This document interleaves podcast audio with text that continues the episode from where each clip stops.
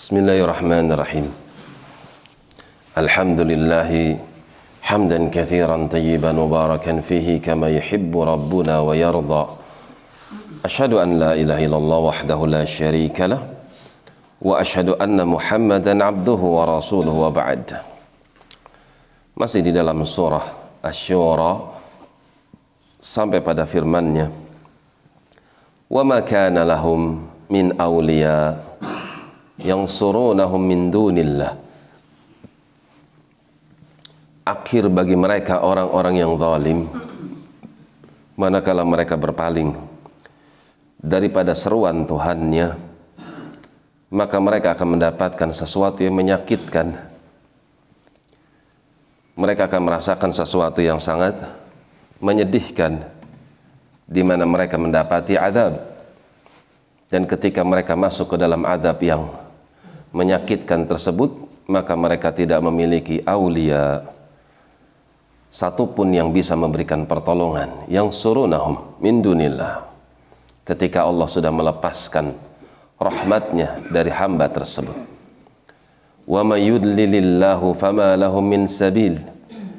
Maka siapa yang Allah biarkan hamba tersebut menyimpang fama lahu min sabil maka hamba tersebut tidak lagi memiliki sabil sabil kata beliau khalas hamba tersebut tidak akan pernah bisa luput pasti dia akan menyimpang pasti dia akan tersesat pasti dia akan terlantar dan pasti dia akan merugi. Istajibu li rabbikum karena itu sambutlah seruan Tuhan kalian. Min qabli ayyatiya yaumun la maradda lahu min Allah. Sebelum datang hari di mana tidak ada satupun yang sanggup menolaknya selain Allah. Kiamat kubra, kiamat sugra. Kiamat sugra ada di hadapan kita, kematian. Kiamat kubra di akhir kehidupan.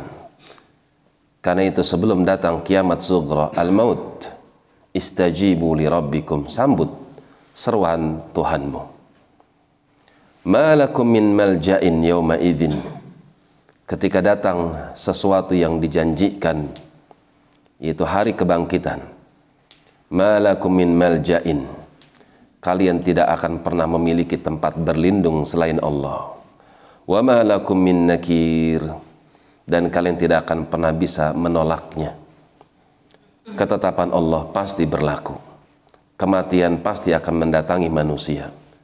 Siapa pun dia, sehebat apa pun dia, sekuat apa pun dia, sekaya apa pun dia, dia tidak akan pernah bisa menolak ketentuan Allah Subhanahu wa taala. Istajibu li rabbikum. Karena itu sambutlah seruan Tuhan kalian. Demikian wallahu taala alam bisawab